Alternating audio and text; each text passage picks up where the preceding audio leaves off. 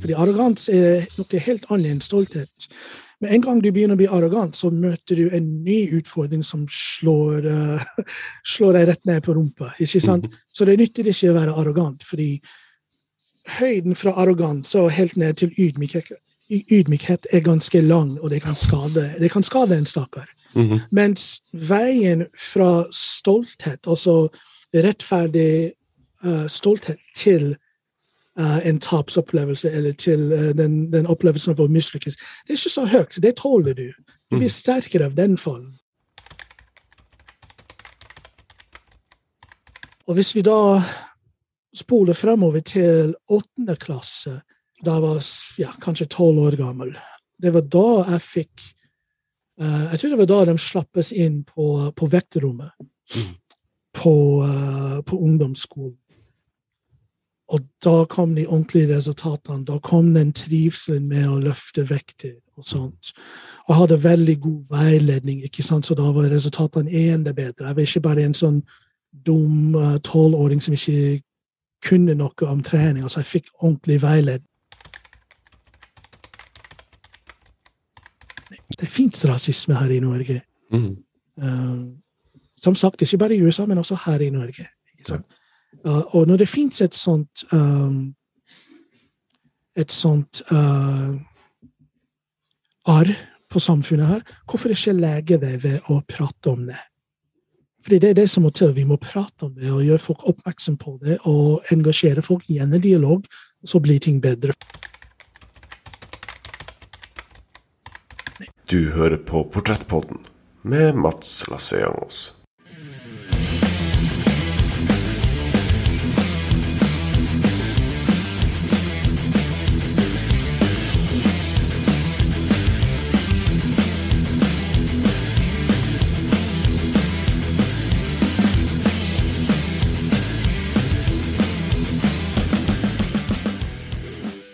Det stemmer, du hører på Portrettpodden, en podkast hvor jeg intervjuer mennesker som inspirerer meg, som får meg til å tenke, og som hjelper meg å forstå mer av verden jeg lever i. Mitt navn er Mats Lassiangos, og sammen med min gjest, John Allen Reece, skal vi være stemmene i hodet ditt den nærmeste timen.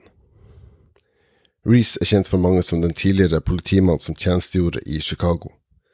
Opprinnelig oppvokst i Ohio, Reece forteller at hans første møte med rasisme kom allerede i barneskolen. Han lærte norsk, blant annet gjennom å høre på Hellbillies, og han tok norgesrekorden i styrkeløft etter fylte 50, en rekord som fremdeles står den dag i dag. I løpet av denne episoden prater vi om hans tid i USA, om kjærligheten som brakte han til Norge, og om den usynlige ryggsekken han bærer med seg hver dag. Jeg er også oppmerksom på at vi i løpet av denne episoden prater om politivold og rasisme i USA. Vi prater om drapene på Ahmad Aubrey, og George Floyd. Det advares om sterke inntrykk. John Allen Reece har vært en inspirasjon en lang stund, og jeg er glad og stolt for at jeg nå kan kalle han en venn. En sann inspirasjon, med en stemme mange flere burde lytte til. Med det ønsker dere riktig god fornøyelse, og her er John Allen Reece fleste uh, i mitt publikum, og generelt, vil kanskje kjenne igjen fra, fra TV som, som tidligere uh, politi, politimann i Chicago. Um, men du er jo også musiker, du driver med standup, du har egen podkast, Coming Home-podkast med John Allen. Du, uh, du skriver, du har norgesrekorden i knebøy, du driver med styrkeløft. Altså, er det noe du ikke gjør? jeg ikke sover i øyeblikket. ok, ja. Mm. Nei, jeg har mange interesser. Jeg er ganske heldig som er i en situasjon da jeg kan drive med, med nesten alt som interesserer meg. Så jeg er mm. ganske heldig sånn.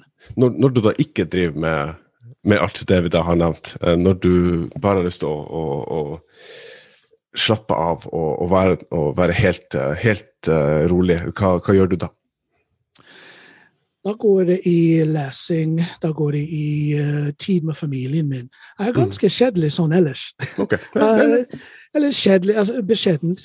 Um, mm. Altså, jeg har, jeg har, en vennekrets, det har jeg.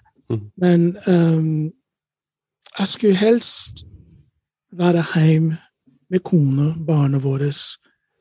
og Bare slappe av og, og, og liksom kose meg på, på ordentlig vis. Mm. innenfor husets fire vegger. Ja. Um, det høres ganske kjedelig ut, men altså, når, du tenker, altså, jeg tenker ikke så veldig mye på alt jeg driver med, Mm. men jeg driver med bra mye.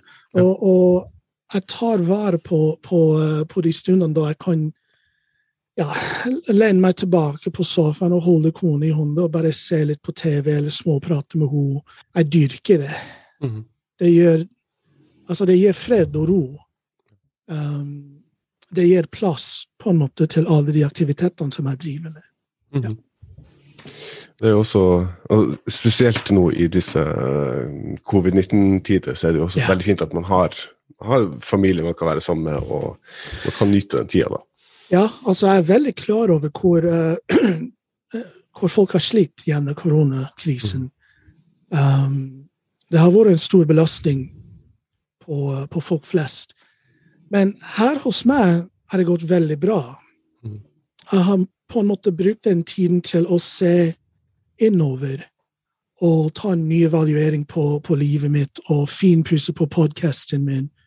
Uh, finpusse på skriveprosjekter og musikken min. Uh, studere litt på temaer og ting som interesserer meg. Så det har vært en periode med vekst hos meg.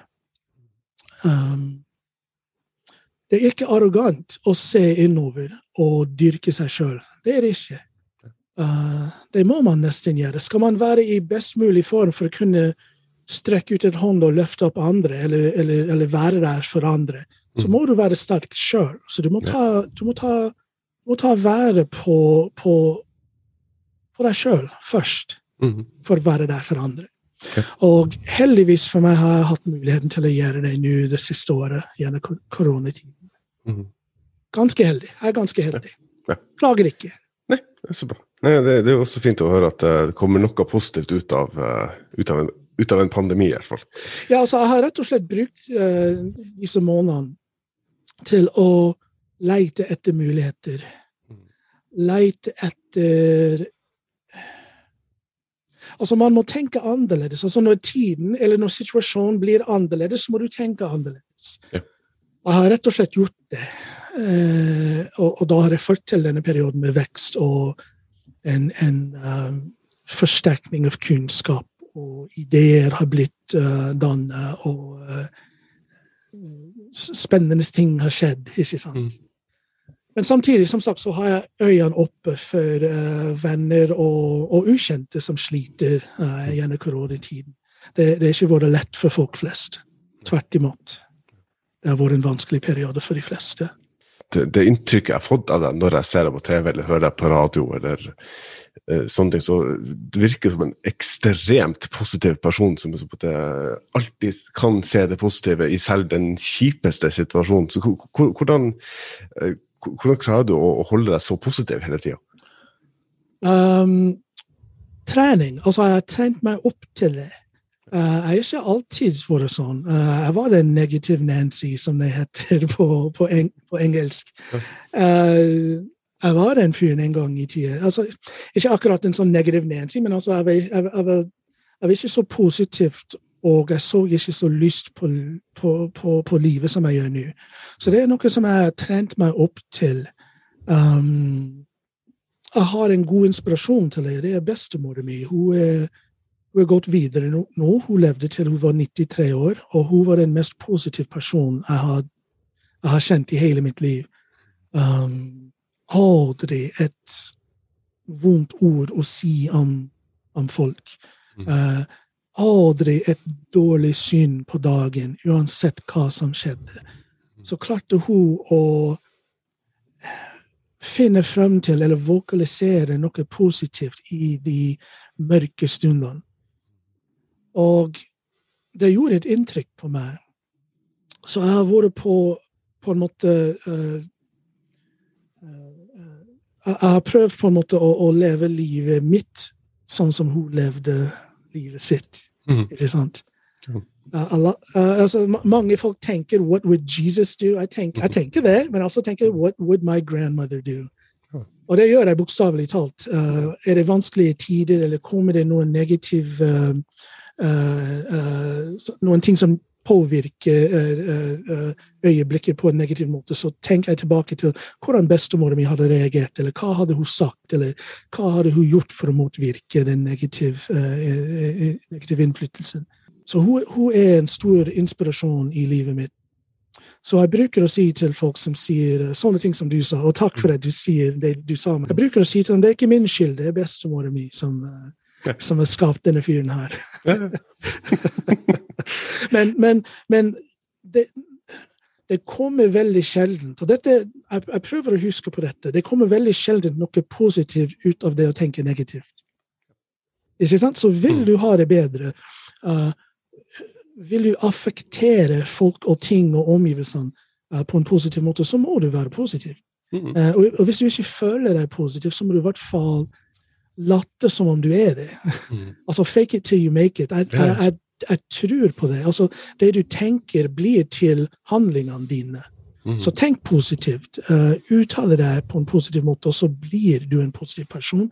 Og da blir omgivelsene mer positive. Hvis ikke fullt uh, uh, 100 positivt, det blir, det blir, i hvert fall mer positivt enn hvis du hadde oppført deg på en negativ måte. Det er sånn jeg tenker. Jeg tror det funker. Ja, ja, ja. ja. Skal ikke, skal ikke krangle på det. Det ser ut til å funke. Eh, så må vi også bare da, si tusen takk til bestemora di, som, som uh, har gitt en sånn innflytelse. Ja, hun, var, hun, var, den absolutt beste. Uh, hun, um, hun taklet livet på en måte som gjorde at hun ble ung til den siste, til den siste liten, liksom. Mm. Uh, som sagt, hun døde da hun var 93, men ut fra, både ut fra utseendet hennes, men også hennes uh, måte å være på, så, så, hadde man tenkt at hun var i, i 50-åra, f.eks. Mm -hmm. um, så jeg skal være sånn når jeg blir gammel. Ja. ja. ja det skal jeg òg. De fleste som, altså Når du da introduseres på TV, for eksempel, så blir du ofte introdusert som han tidligere politimannen fra Chicago. Men ja. du er jo da oppvokst i Ohio. Det stemmer. Um, det var litt seinere i livet da jeg kom til Chicago. Jeg kom til Chicago i 95, 1995. Mm. Uh, ikke sant? Født og oppvokst i Ohio. Og så fra Ohio til uh, universitet. Um, og etter universitet så var jeg inn til US Marines. Mm. Og Det var da jeg var i US Marines at jeg kom borti ei dame, ikke min nåværende kone, men en annen dame som var fra Chicago-området. Mm. Sånn at um, etter ett år, kanskje 18 måneder, med å kjøre lastebil, så flytter vi til Chicago. Da, uh, da jeg begynte i politiet noen måneder etter at vi flyttet opp dit. Um, så Chicago var aldri det var aldri hjemplassen min. Det var bare et sted der jeg jobber og, og, og puster luft, liksom. Mm. uh, jeg, jeg, er absolutt en landsbygutt. Mm. Trives best ute på landet. Så jeg følte meg alltid um, litt sånn utenfor der i Chicago. Uh, det var kjempegøy å jobbe der, uh, det kan jeg love deg. Masse spennende. Men, men den der um, hverdagslig uh, uh, si, hjemmelivet, det var ikke min greie der. Altfor tett med folk, uh, en helt annen måte å leve på. Uh, veldig fremmed for meg. Så i den forstand var det en lettere overgang å flytte fra Chicago til Norge enn det var å komme fra hjemmeplassen min til Chicago. Og det er helt sant, altså. Det var, en, det var en ganske stor overgang, spesielt da jeg begynte å jobbe i politiet. Da gikk øynene oppe for hva hva folk kunne finne på, liksom. Ja. Eh, helt andre ting enn det vi fant på ute på landet i Ohio, det kan jeg love. Mulig jeg har liksom stereotypisk bilde av USA, men eh, er det liksom fra, fra du var barn, var det liksom etter planen skal inn i eh, US Marines og skal liksom Å oh, nei, nei, okay. nei, nei. Um, du har noen, du har noen barn og ungdom som vet på en måte nesten fra dag én hva de skal gjøre.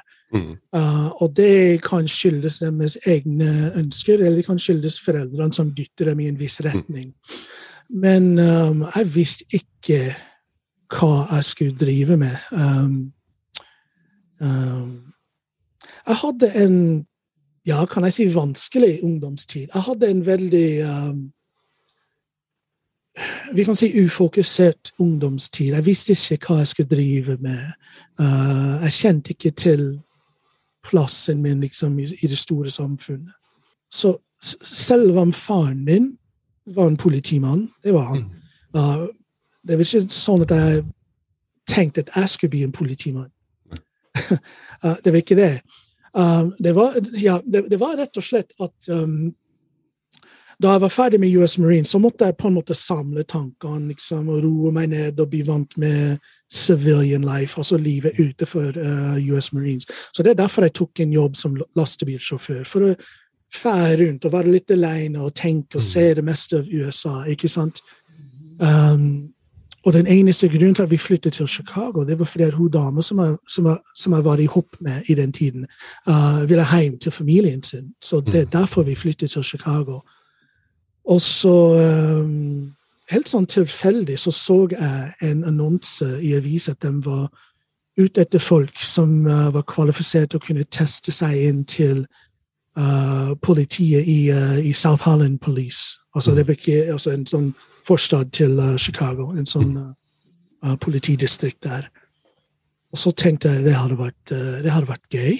Mm. Altså, det var ingen tanker i forkant, liksom. Helt tilfeldig så så jeg den annonsen. Og så søkte jeg, og så kom jeg inn. Jeg ble faktisk um, nummer én på ansettelsesliste ut av tre, jeg tror det var 350 folk som søkte. Så ble jeg nummer én på liste. Så det var sånn det, det skjedde. Altså det, var, det, var, det, var, slik jeg ble politi. Det var helt sånn tilfeldig. Det var ikke en sånn livslang drøm å, å, å, å være ute i gata og, og, gjøre det som politifolk gjør. Det vil ikke det i det hele tatt. Du hører på Portrettpodden med Mats Lasseangos.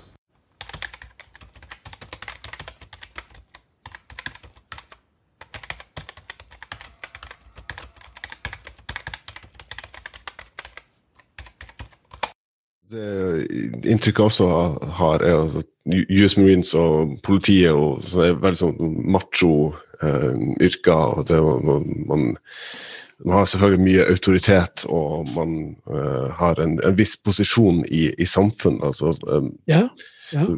Hvordan, hvordan, føles det når, når du får badge på brystet og du går rundt, og blir du litt mer sånn Boah! eller? Um, nei. Um, hvis vi går tilbake til US Marines fordi mhm. det, det, er det som skjedde først. Det er da jeg ble voksen i US Marines. Uh, det, det, er der jeg lærte hva jeg kunne. Altså det, det, er der jeg lærte det med å takle uh, utfordringer. Og uh, det er der jeg lærte at jeg kunne gjøre nesten hva som helst så lenge jeg hadde fokus og en plan. Mm. Det er det som US Marines lærte meg. Altså selvfølgelig lærer man å drepe og skyte. Men det er jo det der med disiplin, det er jo det der med teamwork. Det er jo det der med, med selvtillit. Mm -hmm. Og det å ha et rent og realistisk selvbilde. Jeg lærte alt det der i US Marines. Og selvfølgelig er det den der macho-greia.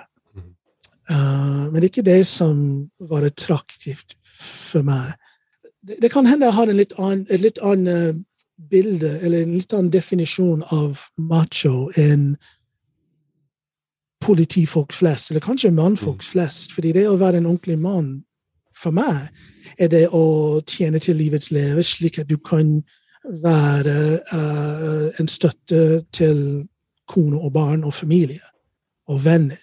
Uh, det å være en mann er å være i stadig utvikling. Det betyr at du du kan ikke alt, men du er på leit etter mer kunnskap. ikke sant? Så det er mm. sånne trekk jeg ser etter i meg sjøl som mann. Så det var de tingene som på en måte var attraktive for meg i US Marines. Så det ble overflyttet til den tiden da jeg ble politimann. Og, og, selvfølgelig i politiet så så jeg mange mange folk som egentlig ikke skulle hatt en uh, badge and a gun. Mm -hmm. Altså, De var ikke egnet til det. Uh, den var kun en sånn macho-figur, og den var ikke en sånn tenkendes vesen med hjerte og omsorg for, for samfunnet for øvrig. For spør meg, så er det det som er viktigst i politiarbeid. Du må, ha, Mm. du må være tenkende, du må ha et hjerte, og du må vise omsorg for de svake i samfunnet. Det er det som var viktigst i politiarbeidet med meg. Og igjen, det, det kan spores tilbake til det som jeg ble lært under oppveksten min av bestemor og mamma. Egentlig av de damene i familien min, ikke sant? fordi det er tante. Og, og, ja, ikke sant? Det var de damene som lærte meg det der med omsorg, det der med uh, at det er riktig å være ganske sikker på seg sjøl uten å være arrogant. Mhm. Ikke sant? Så det er det som jeg prøver å overføre til, eh, til eh, politiarbeidet mitt. Sånn at den macho-greia um, Jeg vil kalle det mer en stolthet, fordi det var en ganske Og det er noe som har blitt borte i politiarbeid, det å være stolt over å være politi. Mm. Uh, uh, fordi er du stolt uten arroganse, så har du ingenting å bevise. Men det virker at mange politifolk i USA er ute etter å bevise et eller annet. Mm. Bevise hvor sterkt de er, at de har makt, at du må lytte til dem, og, osv. så. Så, så jeg var veldig stolt over å ha den stillingen. Stolt over å ha, over å ha det, det, det ansvaret for samfunnet. Å være en leder i samfunnet, liksom. Uh, lede yngre folk og være et forbilde og være til tjeneste. Um, så jeg henter mye mer av det ut av politiarbeidet mitt enn den der macho-greia. Ja. Så selvfølgelig var det sånn klassiske macho-greier som skjedde. Altså, du måtte jeg, jeg, måtte ta hånd på folk, og det ble eh, eh, sånn, sånn fysisk bråk. Og det ble de der uh, high speed car chase og, og sånne ting som gjør at adrenalin uh, flommer over, ikke sant? Uh, så det var jo det, men, men det, var, det var ikke det som var viktigst med den jobben. Ikke, ikke for meg, i hvert fall. Men altså, for å gå litt tilbake til det du sa, altså, i US Marines du lærer den, den disiplinen den, den, uh, den altså, Hvordan man på en måte skal, skal uh, bygge opp uh, en, en, en selvtillit uten å være arrogant, og det å måte ha, det- ha den indre styrke og være, være, være trygg på det. Er det noe du, du fortsatt bruker i dag, f.eks. når du Absolutt. møter utfordringer? For eksempel? Mm. Absolutt. fordi en ting som jeg har lært i US Marines, uh, som er veldig uh, til stede i, i hverdagen min nå i dag, det er jo det der at uh, ja, du lærer underveis at du kan mye mer enn det du trodde, og det skal man være Mm. stolt over. Men med en gang du begynner å bli arrogant, fordi arrogans er noe helt annet enn stolthet. Med en gang du begynner å bli arrogant, så møter du en ny utfordring som slår, uh, slår deg rett ned på rumpa. ikke sant? Så det nytter ikke å være arrogant, fordi høyden fra arroganse og helt ned til ydmykhet, ydmykhet er ganske lang, og det kan skade, det kan skade en stakkar. Mhm. Mens veien fra stolthet, altså rettferdig uh, stolthet, til uh, en tapsopplevelse, eller til uh, den, den opplevelsen av å mislykkes, det er ikke så høyt. Det tåler du. Du blir sterkere av den formen, ikke sant? Mhm. Sånn, uh, sånn at um, altså, altså Det er en lærdom som jeg bærer med meg hver eneste dag. Jeg tillater meg selv å være stolt over det jeg gjør, men, men arroganse, det gjør vondt. det er langt å falle. Mhm. Så jeg, bæ jeg bærer uh, de lærdommene uh, med meg hver eneste dag. Jeg vil si kanskje at uh, min tid i US Marines var de, det, var de, det var de årene jeg ble voksen. Jeg var 21 da jeg ble med i US Marines, og det er da jeg ble voksen. Det er da jeg begynte å kjenne meg sjøl på ordentlig. Mhm. Jeg skjønte egentlig ingenting før det.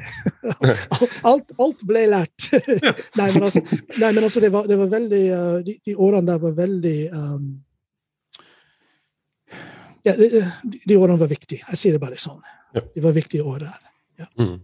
No- Noen ting er som, som eh, eh, er, er litt eh, vanskelig å spørre om, så kan man være ærlig. Men det, man får rett og slett bare, bare spørre, og hvis du ikke vil svare, så, så svarer du ikke. Ja, ja. Spør i vei. Spør i vei. Jeg tåler masse. Ok, bra. Um, det, det, det, du nevnte at du hadde litt, litt vanskelig uh, uh, ungdomstid, du fant ikke helt din, din plass og sånn. Og det er jo uh, Ja, altså For å si det sånn, da. Hvis vi ser på oss to, så er det mer sannsynlig at, at uh, hvis politiet stopper meg, så, så blir jeg behandla på en litt annen måte enn, enn du kanskje ville blitt. Ja. Um, hadde du, altså i, i oppveksten, hadde du uh, noen sånne klassiske um, ubehagelige møter med politiet som vi har hørt om i de siste årene? Nei. Um, jeg vokste opp langt ut på landet, og politiet der ute var stort sett usynlige. Mm. Så jeg hadde, jeg hadde, absolutt null uh, kontakt med politiet, kun med eget far. Mm. Eh, det, det, er pappa som var politimann. Uh, altså, vi, vi bodde ute på landet, men han var politimann i en stor by. Mm. Uh, lenger inn mot, mot, samfunnet for øvrig, for å si det sånn. Men, men, der ute var vi ganske isolert. Jeg hadde ikke noe kontakt med, med politiet der. Men på den andre siden så hadde jeg masse jeg hadde en del opplevelser med, med rasisme. Det hadde jeg. Mm. Uh, som sagt, vi var langt ute på landet, og uh, Bortsett fra asfalten på veien var vi de svarteste ting i, i landsbyen der. Mm. Uh, sånn at Og jeg sier ikke at det var på en måte rasisme overalt, Nei. men jeg fikk smake på det bra mye. Mm. Um, når jeg tenker til, tilbake til den første dagen på skolen der, fordi vi flyttet dit um, sommeren etter andre klasse. Mm. Og jeg husker den første dagen på skolen um, uh, til tredje klasse. Så uh, ble jeg omringet om syv-åtte gutter som kalte meg for alle slags uh, nigger og ditten og datten. Og så, og så gjorde jeg akkurat det som mamma lærte meg å gjøre. Og det er å For hun gjorde meg litt sånn forberedt på at folk skulle bruke det ordet mm. mot meg. Og hun sa du må bare vise dem at du tåler ikke sånt. Og det gjorde jeg. Og slo uh, uh, på en måte lederen i den liten, uh, i den liten gjeng Slo henne rett i munnen. Mm. Jeg tror, ikke, jeg tror ikke han klarte å uttale hele ordet engang. uh, ikke sant, så det var, det var, første dagen, på en måte. Første dagen i skolegangen min på, på, på, et nytt sted der ute på landet. og det satte tempoet på en måte på hvordan det skulle være for meg ikke hele tida, men altså ganske så regelmessig. Helt fram til jeg var i jeg vet ikke, kanskje sjette eller syvende klasse. fordi jeg, jeg, jeg, ble såpass mye mer atletisk og større og sterkere enn andre guttene mhm.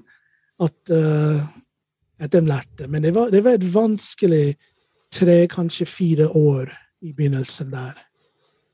Da jeg ble møtt med altså, altså etter det så var det ikke så veldig tydelig, det der med rasisme. Men jeg ble møtt uh, med rasisme fra voksne. Mm. Jeg husker at jeg ble uh, utestengt fra et, um, et offentlig uh, svømmebasseng. Han som eide stedet, kom til meg og sa at jeg måtte forlate stedet fordi folk ble så ubehagelige fordi at jeg som en svart gutt, som var kanskje 12-13 år gammel, at jeg snakker med de der Ja, de hvite jenter, mm. jenter som er der. Og de likte ikke det, og jeg ble bedt om å forlate stedet. Så det var sånne ting som, som traff meg. som sagt, ikke hele tiden, men av og til. Mm. Og jeg merker at Altså, det Det påvirker meg ennå i dag. Jeg kjenner at jeg blir litt irritert. jeg, te jeg tenker tilbake til hva en 11-12-13 år gammel gutt må tåle fra voksne, liksom, når det gjelder rasisme. At, at uh, ikke riktig, det skal ikke være sånn, men, men dessverre så var det sånn. Mm. Jeg kan tenke at det er enda litt av det som går igjen i luftet der borte ja. den dagen i dag. Mm.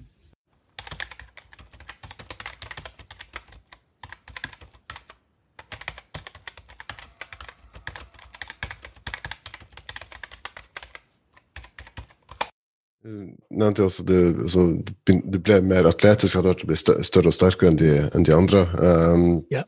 du, artig med, med styrker. Du nevnte når vi starta at du har fortsatt norgesrekorden i knebøy, som er imponerende. Thank you, thank you. Eh, ja, jeg klarer så vidt å kle på meg skoen uten hjelp, så det er imponerende.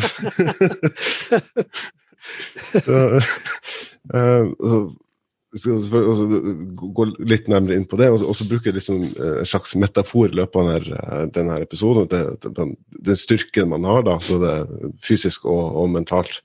Ja. Eh, og den, den, usynlige ryggsekken som du har nevnt uh, yes. tidligere. Um, for, for, å begynne konkret på, på, på styrkeløft, altså, hvordan altså, hva er det som gjør at du, du har lyst til å begynne med, med, altså, med, med styrketrening og bli større og sterkere? Ja, hvis vi går langt tilbake til um, Ja, det var kanskje da jeg gikk i femte klasse at jeg først begynte å sånn, oppdage på ordentlig at jeg var bedre enn de andre gutter i de fleste idrettene, spesielt uh, American football. Mm. Og jeg likte den følelsen av å være den beste på banen. Mm. Jeg likte, jeg likte det det gjorde for meg. Altså at jeg begynte å formulere um, den Altså at jeg fikk sansen for det der å teste meg sjøl, prestere og kjenne på resultatene. Ikke sant? Um, det ble en lærdom som repeterte seg. Liksom at hvis du gjør arbeidet, hvis du gjør en innsats, så får du et resultat som er bra for deg. Ikke sant? Jeg begynte å lære det rimelig straks rundt ja, fjerde-femte klasse. Sånn at um, jeg begynte å tenke allerede da, på den alderen Ja, hva, hva, kan jeg gjøre for å bli enda bedre på fotballbanen eller friidrettsbanen, eller hva det må være? Og så husker jeg at, at trenerne alltid kommenterte at jeg var mer muskuløs enn de andre. Og så plutselig så falt det i hodet ja, har jeg mer muskler enn de andre uten å gjøre noe direkte liksom, for, å, for, å, for, å, skaffe disse musklene? Ja, kan ikke jeg bare begynne å løfte og trene litt? Så da, da fikk jeg de der gammeldags uh, plastvektskivene som, mm. som har betong inni, uh, og begynte å slenge dem rundt uh, i kjelleren der hjemme. Uh, og fikk resultatet av det. ikke sant? Mm. Og det førte til at jeg presterte enda bedre på banen. Mm. Og hvis vi da spoler fremover til åttende klasse, da jeg var ja, kanskje tolv år gammel Det var da jeg fikk uh, Jeg tror det var da de slappes inn på, på vekterommet mm. på, uh, på ungdomsskolen. Og da kom de ordentlige resultatene. Da kom den trivselen med å løfte vekter og sånt. Og hadde veldig god veiledning, ikke sant? så da var resultatene enda bedre. Jeg var ikke bare en sånn dum uh, tolvåring som ikke kunne noe om trening. Altså, jeg fikk ordentlig veiledning. Og resultat, resultatene kom. Um, og så kan vi spole frem til tolvte klasse, da jeg var 17-18 år, og så fikk jeg stipend uh, for å spille fotball på uh, Ohio University. Som var på en måte den der si, ultimat uh, bekreftelse, yeah. på en måte, på at det var faktisk en grunn til at jeg trente og holdt på. Mhm. Her kommer gevinsten. ikke sant? Gratis utdanning på universitetsnivå. Ja. Og så kan vi spole frem til uh, TMI i US Marines. Det er da jeg fikk en ordentlig interesse. Og, og så hele veien så trente jeg med vekter, så jeg ble stadig større, stadig mer markant og, og, og, si, flinkere til å trene med vekter. Men så i US Marines så fikk jeg en ordentlig interesse for det, for det der med bodybuilding. Mm -hmm. Sånn at um, det ble, uh, det ble et, ja, et nytt fokus på, på trening. Og da jeg flyttet til Chicago, så kom jeg i kontakt med en fyr som heter Ed Cohen. Uh, mhm. C-O-A-N. Ed Cohen. Folk må bare google han. Han er den beste styrkeløfteren noensinne. Han er på en måte the Michael Jordan of powerlifting. Okay. Og jeg ble kompis med han og fikk trene med han og hele veien. Og så jeg var kroppsbygger, ikke sant? konkurrerte mm. i kroppsbygging, men hele tida så sa han ja, John, du må, du må prøve deg på styrkeløft. Du hadde vært veldig flink på styrkeløft. fordi mm selv om jeg var kroppsbygger, så trente jeg veldig tungt med de baseøvelsene. uh, squat, bench and deadlift. Men det var kroppsbygging som gjaldt, og styrkeløft var ikke min greie. Mm. Så det ble aldri noe med styrkeløft før i 2015. Det var første gang jeg satset på styrkeløft. Ja 2015 her i Norge. Ja. Og det var liksom uh, en suksess fra, fra dag én. Mm. Um, første konkurranse så vant jeg regionalt mesterskap, Østerfjells regionalt mesterskap, og satte en ny rekord der i knebøy. Uh, andre gang jeg løftet, så vant jeg NM i utstyrsfritt styrkeløft for uh, aldersgruppe og vektklasse mi. Ja, ikke sant? Så, så det, det, er jo det der med å sette mål for meg sjøl. Mm. Det å prestere, det å se et mål som Ja, forresten, jeg syns det, det, er, det er morsomt når andre ler av målene mine når det gjelder styrke. Fordi um, da var jeg kanskje 45 da jeg begynte å sikte på norgesrekord Mm. i knebøy, ikke sant? Og jeg fikk den rekorden da jeg var 50. Ikke sant? Så jeg ler av folk som ler av slike mål, altså at en 50-åring skal få norgesrekord i utstyrsfri knebøy. Mm. Jeg trives med motstand på den måten. Um, det er ikke nødvendig med motstand, klart alt er bedre uten motstand, men jeg, jeg, jeg trives med å lage nye mål, og det å gjøre gjerne styrkeløft, det gir meg bokstavelig talt styrken til å fokusere på mål i livet for øvrig. Mm. Um, det går tilbake til det der med disiplin, det der med å være realistisk med, med seg sjøl. Mm. Jeg må gjøre det i styrkeløft for å prestere optimalt. Uh, så det støtter bare opp livet mitt for øvrig. Mm. Sånn tenker jeg liksom når det gjelder styrkeløft, og hvordan jeg kan flytte den lærdommen over til livet mitt for øvrig. Du hører på podkasten Portrettpodden med meg, Mats Lasse Jangås. Denne podkasten har som mål å bringe deg sterke og inspirerende historier, fortalt gjennom spennende og varierte gjester. Hver av oss trenger inspirasjon for å nå målene våre, og jeg henter min inspirasjon gjennom hva og hvem som inspirerte mine helter til å komme dit de er i dag. Om du ønsker å støtte det arbeidet Portrettpodden gjør, og sikre at flere sånne historier kan bli fortalt, kan du kjøpe en virtuell kaffe på buymeacoffee.com slash portrettpodden. Det er altså buymeacoffee.com skråstrek portrettpodden. Du kan gi én enkel donasjon, eller du kan forplikte deg til en fast donasjon i måneden. For det får du litt ekstra snacks med på kjøpet som ikke er tilgjengelige for noen andre. Det er ingen plikt, men hvert lille bidrag gjør en enorm forskjell. Og hvem vet, kanskje er det nettopp din helt som er gjest i en fremtidig episode av Portrettpodden. Takk for oppmerksomheten, og nå tilbake til John Allen Reece. Altså, man har jo også- den, den disiplinen som du sier, men det altså man, man setter seg et mål, og man, man må altså, fysisk uh, jobbe for å nå de målene. Da, at man har den, den, den, den ilden i seg for å, for å nå de målene. F.eks. at man lærer seg norsk, som et veldig vanskelig språk å lære seg. Har jeg forstått. Blant annet gjennom Hillbillies, har jeg hørt.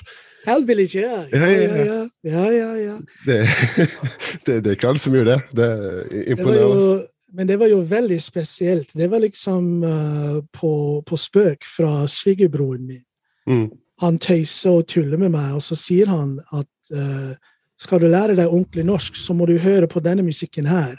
Og så pekte han på, på Hellbillies, og jeg tok det som god fisk. Jeg visste ikke, altså jeg er helt ny i Norge. Jeg visste ingenting om det, så jeg begynte faktisk å lære på ja, på den der, eh, den der hall- hallingspråk, som det heter.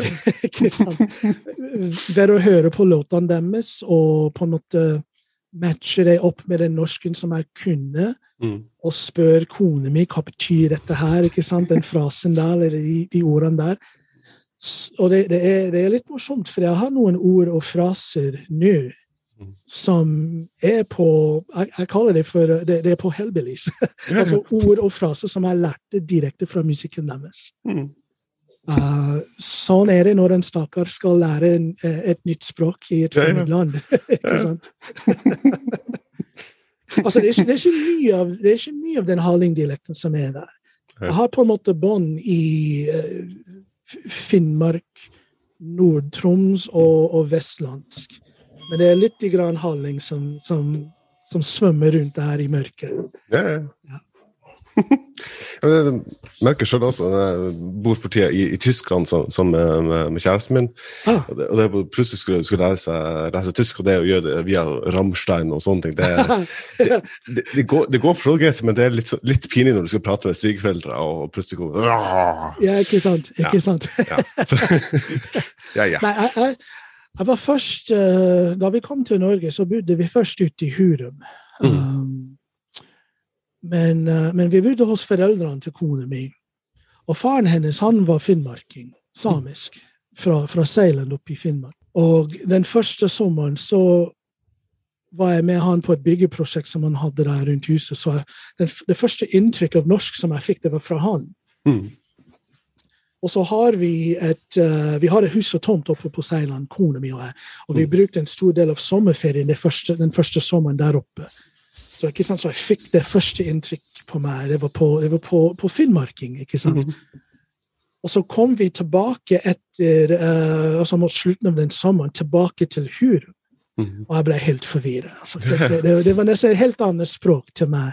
ikke sant? Som hadde begynt å lære finnmarking og haling, liksom, og så kom jeg Mhm. tilbake til Hurum. Så det er ganske så dynamisk med norsk. Eh, altså det, jeg har fallet, jeg har fallet til ro, det har jeg. Men, men det er fortsatt spennende. Så det finnes så mange forskjellige, forskjellige dialekter. Mm. Um, og litt artig at folk ikke kan plassere meg på, på et kart her i Norge. Jeg liker det. ja, ja. Det er jo- alltid rart at folk, prøver å plassere altså, er, du fra Finnmark, er du fra Nord-Troms? Nei, nei, jeg er fra Ohio, egentlig. Ikke sant? Ja. Um, gå litt over i litt uh, nytt uh, tema her. Ser, eh, klokka går veldig fort når man har det Ja, gøy. ja, ja. Um, Det betyr at jeg snakker altfor mye, men du er for, du er for hyggelig til å si det.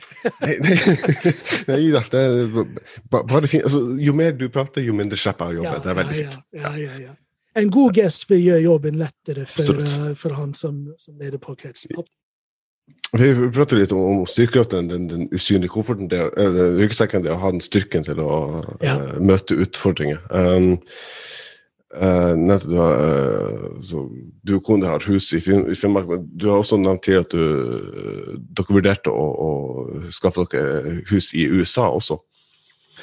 Uh, ja. Um, ja vi, vi har tenkt den tanken bra lenge. Altså, ikke at vi altså, Kona mi har hatt lyst til å flytte tilbake til USA um, lenge.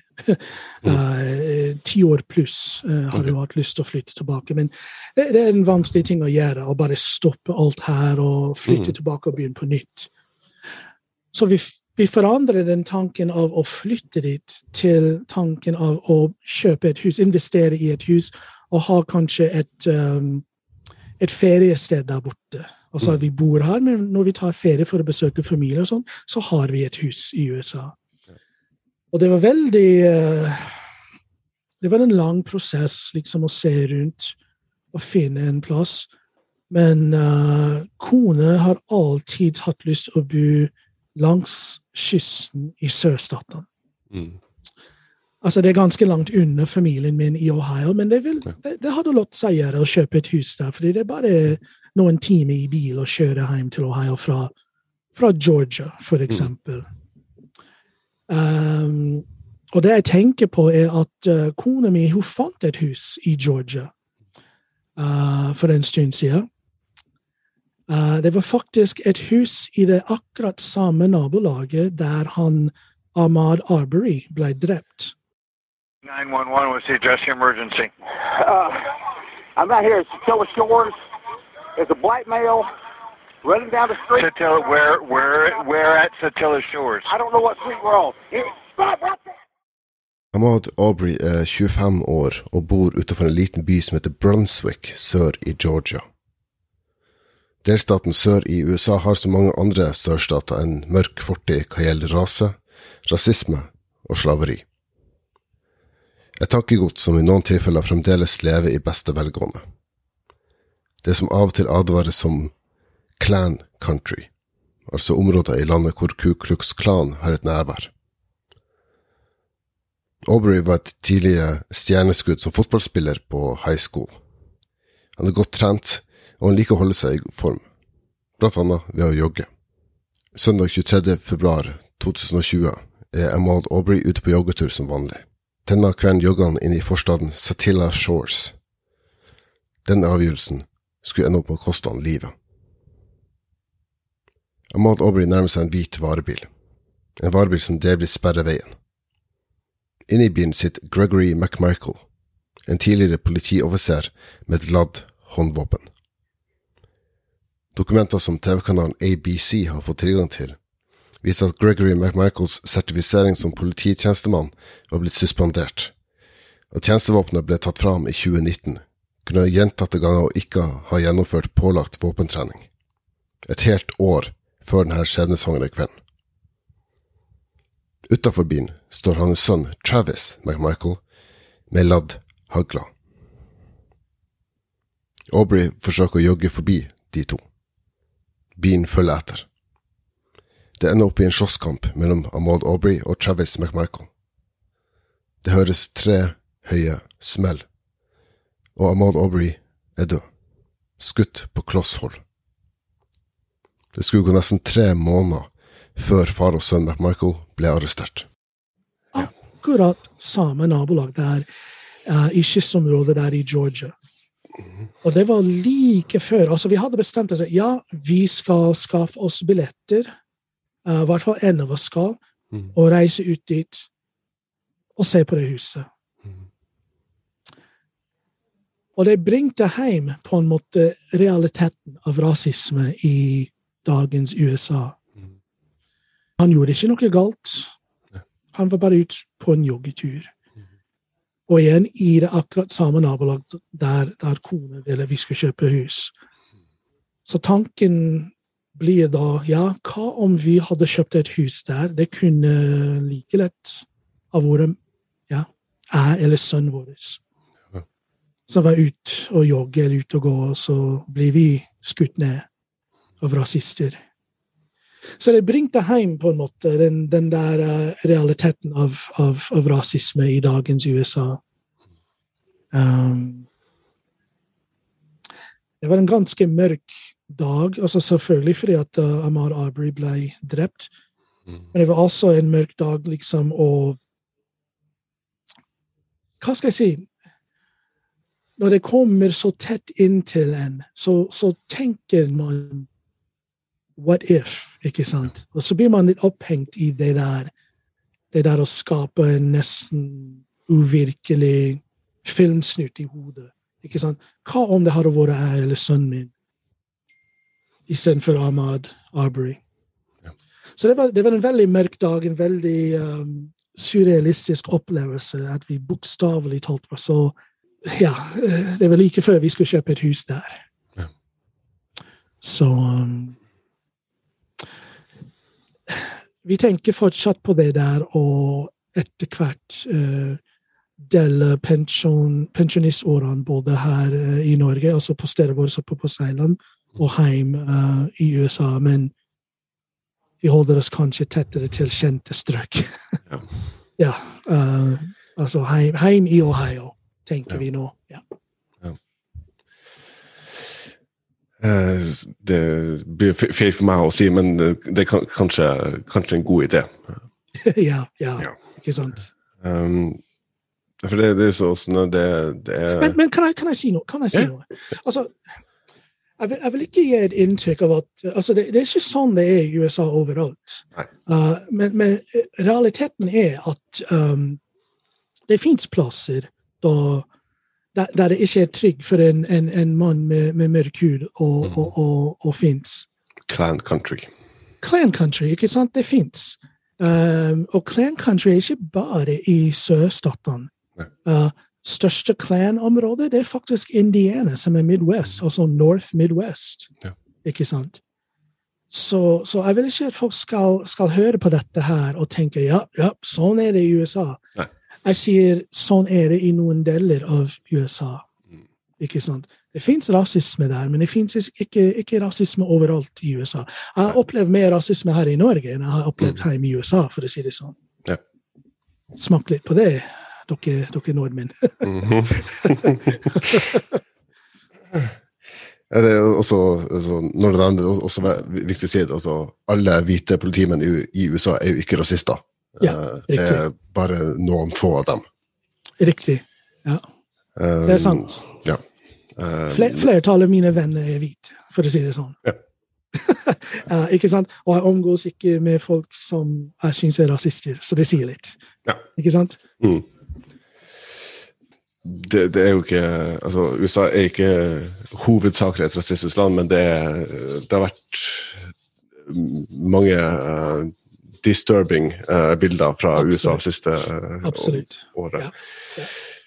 S- spesielt eh, George Floyd, som Ja. sikkert mange fortsatt har friskt i minne. Bro, with your feet on his neck, man, you get off the His nose is bleeding. Like, yeah, come on now. that's raw right there with his feet on his neck. Look at his nose. see your knee on his neck. Yeah, he got your feet right on his neck, officer. Even cannot resisting breathe. I cannot breathe. Bare noen måneder etter drapet på Ahmaud Aubrey i Georgia blir George Floyd arrestert av politiet i Minneapolis etter mistanke om at han forsøker å betale med en falsk 20-dollarseddel.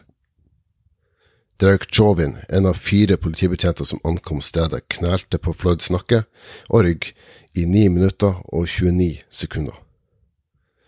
Mens Floyd trygler om at han ikke får puste, står de andre politibetjentene rundt og sørger for at ingen kan gripe inn. Når noen forsøker å stanse en brutale arrestasjon, trekker Chauvin frem pepperspray. Daniel Frazier, som tok denne videoen, så fort gikk verden rundt, har nå blitt tildelt en egen pris fra Pulitzer-styret. I begrunnelsen står det sitat for modig å ha dokumentert drapet på George Floyd, en video som skulle sette i gang protester mot politivold rundt om i verden, og sette fokus på menigmanns viktige rolle i journalistikkens kamp for sannhet og rettferdighet. Sitat slutt. Pulitzerprisen er den største utmerkelsen en journalist kan få for sitt arbeid. Du hører på Portrettpodden med Mats Lasseangos.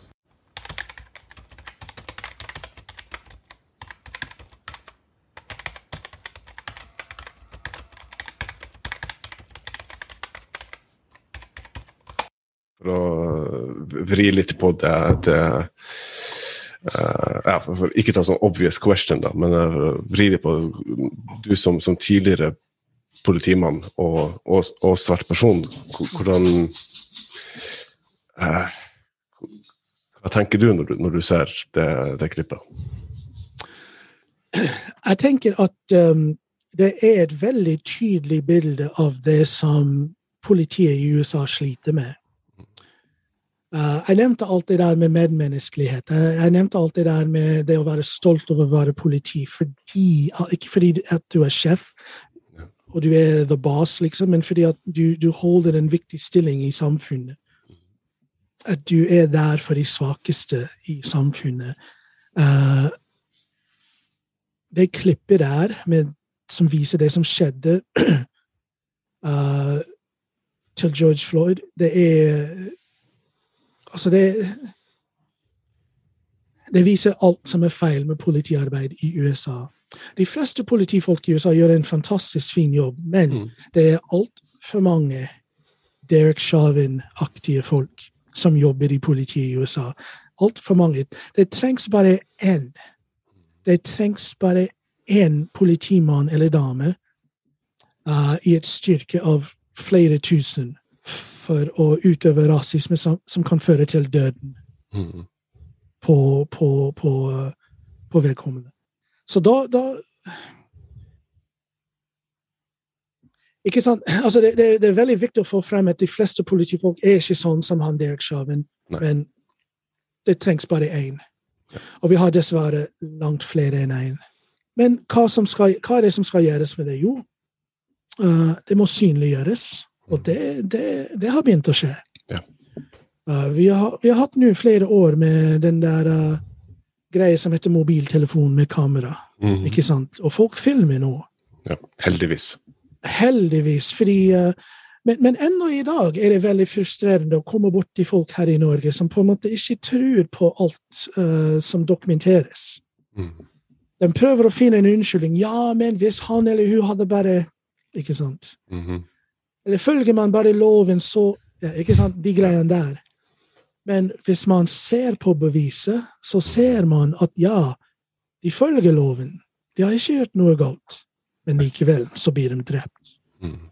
Eller hardt skadd, eller, eh, eller uh, diskriminert på ordentlig. Mm. Ikke sant? Um, folk må bare opp med opp, opp øya og, og se på fakta der. Det gjør ikke vondt. Det gjør ikke vondt å anerkjenne hva som skjer. Men det er noe som heter i USA og i Norge noe som heter white guilt. Yeah. Altså at hvite folk føler uh, altså det, det blir så ubehagelig for dem liksom å ha den samtalen. Det blir så ubehagelig for dem å anerkjenne fakta. At det fins rasisme, eller, eller at det og det var faktisk en rasistisk handling. De vil ikke innrømme det, som om det gjør vondt. Det kan hende at det gjør vondt, men hvis de hadde bare blitt kvitt den skyldsfølelsen, hvis de hadde bare blitt kvitt den der følelsen av å være angrep av vi som vil prate om rasisme og, og likeverd under lovverket uh, Hvis de hadde bare giddet å ta den samtalen, så kan det være noe som de kan lære av Mm. I det minste så kan de lære at de har ingenting å føle seg skyldig for. Fordi hvis du ikke er rasist, så er du ikke rasist. Punktum. Ikke sant? Så hvorfor ikke ha den samtalen? Hva er det med den samtalen som gjør det så ubehagelig at du må gå i forsvar fra det første ord? Ikke sant? Så jeg skulle gjerne sett mer dialog. Eh, Jeg jeg skulle gjerne sett mer aksepta... Altså at folk aksepterte eh, eh, det faktum at det fins rasisme her i Norge. Mm. Um, som sagt, ikke bare i USA, men også her i Norge. Sant? Uh, og når det fins et sånt um, et sånt uh, arr på samfunnet her, hvorfor ikke lege det ved å prate om det? Fordi det er det som må til. Vi må prate om det og gjøre folk oppmerksom på det og engasjere folk i dialog, så blir ting bedre for alle. For alle. Eh, sp- Nå er jeg på prekestolen. Si amen, flokken! Si amen! Um, det, det er veldig viktig å, å, å si det, det, det burde ikke være viktig å si, men det er fortsatt viktig å, å, si det. Og prente det inn i alle dem som hører på. at uh, Ja. uh, Det hjelper ikke å si 'I'm not trying to be racist, but'. Det, det er litt for svakt. Um, så begynner å runde av snart. Jeg ser klokka, klokka går. Men uh, uh, ta et par, uh, par spørsmål avslutningsvis. da. Um, ser også på, på det klippet fra uh, når George Floyd blir arrestert. Det, det nakkegrepet han sitter med, med kneet på nakken er, er, altså, Mulig jeg bare er veldig naiv, men er det noe man lærer i, i politiet i USA når man skal anholde mistenkte? Nei, og um, jeg fulgte med på mesteparten av rettssaken. Mm. Og det ble tatt opp. Uh, og politiledelsen der i, uh, i Minneapolis og flere andre aktører som kom inn for å gi for å si noen ord under rettssaken, sa at det er ikke noe som politiet læres. Eh, men altså at det blir en kultur for sånne grep? Ja. Absolutt. Mm. Dessverre, og, absolutt og dessverre. Ja. Men det er ikke noe som de lærer på politiskolen. Um, jeg setter et spørsmålstegn rundt menneskeligheten av av personen som tar et sånt grep Mhm. på, på en annen, et, et annet menneske. Altså, jeg, jeg blir kvalm av tanken. Jeg kunne ikke tenke å gjøre det mot noen, uansett hva de hadde gjort eller sagt mot meg, eller mot andre. Som, hvem som helst tenkende vesen vet at det er farlig. Ja. Hallo! Uh, men, men nei, det, det er, ingen, det er ingen, ingenting i nærheten til det som, som læres på politiskolen i USA. Nei. Det var knytta stor spenning til den historiske straffeutmålinga i Hennepin distriktsdomstol den 21. april i år. Da var det nemlig tid for at tidligere politibetjent Derek Chauvin skulle få sin straff. Det var forsiktig optimisme i salen for at rettferdigheten skulle seire, men ingen torde å tippe på hva straffen skulle bli. Til slutt kom avgjørelsen, fengsel i 22 år og 6 måneder for forsettlig drap på George Floyd. Chauvin er kun den 14. politimannen som er dømt for drap siden 2013. Mandag halv tre på natta norsk tid ble demokratene og republikanerne enige om en ny politilov. Loven skal stille nye krav til politiet og gjøre det lettere å stille politibetjenter til ansvar. Dette melder NRK. Loven er ennå ikke vedtatt i delstatsforsamlinga.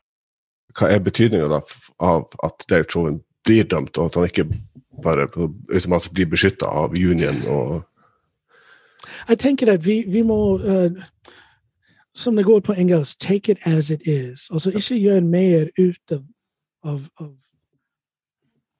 av denne dommen enn altså, Klart det er veldig fint at han, uh, Derek Chauvin ble dømt. Mm.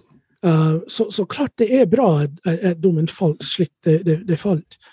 Men vi må tenke at det går flere Jeg veit ikke, er det, er det hundrevis uh, hvert år? Er det tusenvis hvert år som blir uh, mishandlet av politiet, og politiet kommer seg under uten straff? Mhm. Hvor ofte skjer dette her? Så det er den tanken som på en måte holder føttene mine på bakken. Ja. Klart det er veldig bra. Eh, sånn skulle det ha vært. Altså at, eh, at Derek Chauvin ble dømt. Men jeg, jeg vil ikke gjøre mer av det enn det fortjener.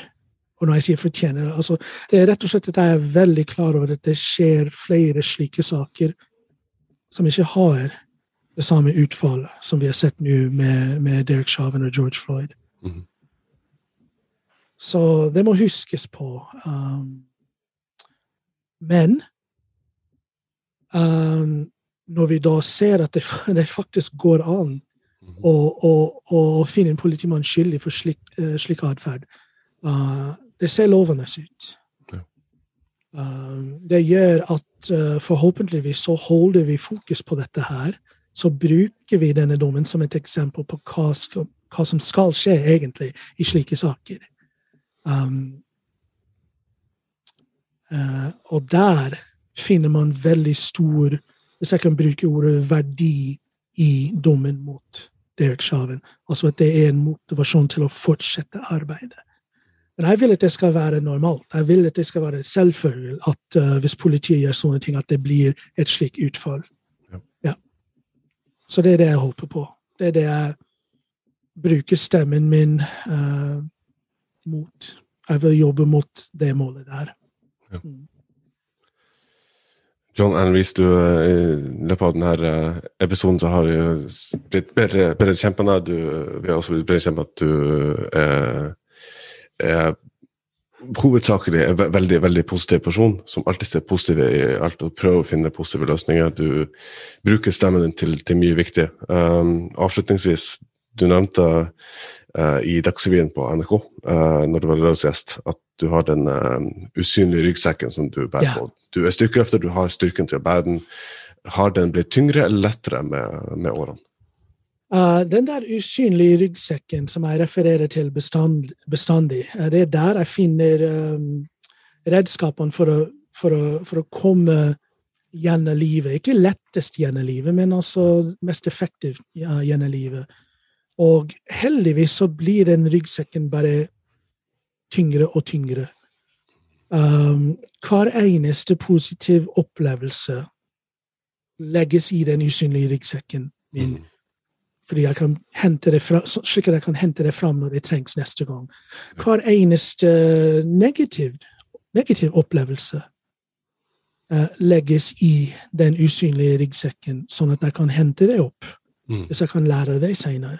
Hver eneste samtale, hver eneste mål som blir nådd, eh, hver eneste hindring på vei mot målet, alt det der legges opp i ryggsekken.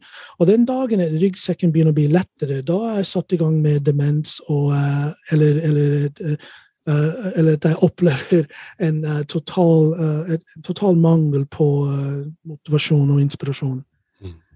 Så lenge hjertet mitt banker, så, så lenge jeg har mine fulle fem, så lenge jeg klarer å strebe mot det å bli et bedre menneske, så blir den ryggsekken tyngre og tyngre. Det som er kult, det som er tøft, er at jeg vet som styrkeløfter, Mm. jo tyngre belastningen, jo sterkere blir jeg. Ja, ja. Ja, ikke sant? Så jeg bruker det liksom uh, Og der har vi den overflyttinga av, av styrkeløft og det jeg lærer der. Den overflyttingen til livet mitt for øvrig. Mm. Men da håper jeg eh, altså Ut av kontekst så høres det kanskje litt rart ut, men da håper jeg at den sekken din blir i- djevelsk tung framover. Takk, takk, min venn. Takk Ja. skal du ha. Bare hyggelig. Du har hørt på en episode av Portrettpodden, en podkast med meg, Mats Lasse Jangås, og min gjest i denne episoden var styrkeløfter og tidligere politimann John Allen Reece. Vil du høre mer fra John, kan du lete opp podkasten hans The Coming Home Podcast på YouTube og overalt hvor du ellers hører på podkast. Vil du støtte det arbeidet jeg gjør i Portrettpodden, kan du kjøpe meg en kaffe på buymeacoffee.com skråstrek portrettpodden. Det er altså buymeacoffee.com skråstrek portrettpodden. Link ligger i beskrivelsen. Portrettpodden arbeider i henhold til Vær varsom-plakatens regler for god presseskikk. Takk for at nettopp du hørte på, og vi høres snart igjen.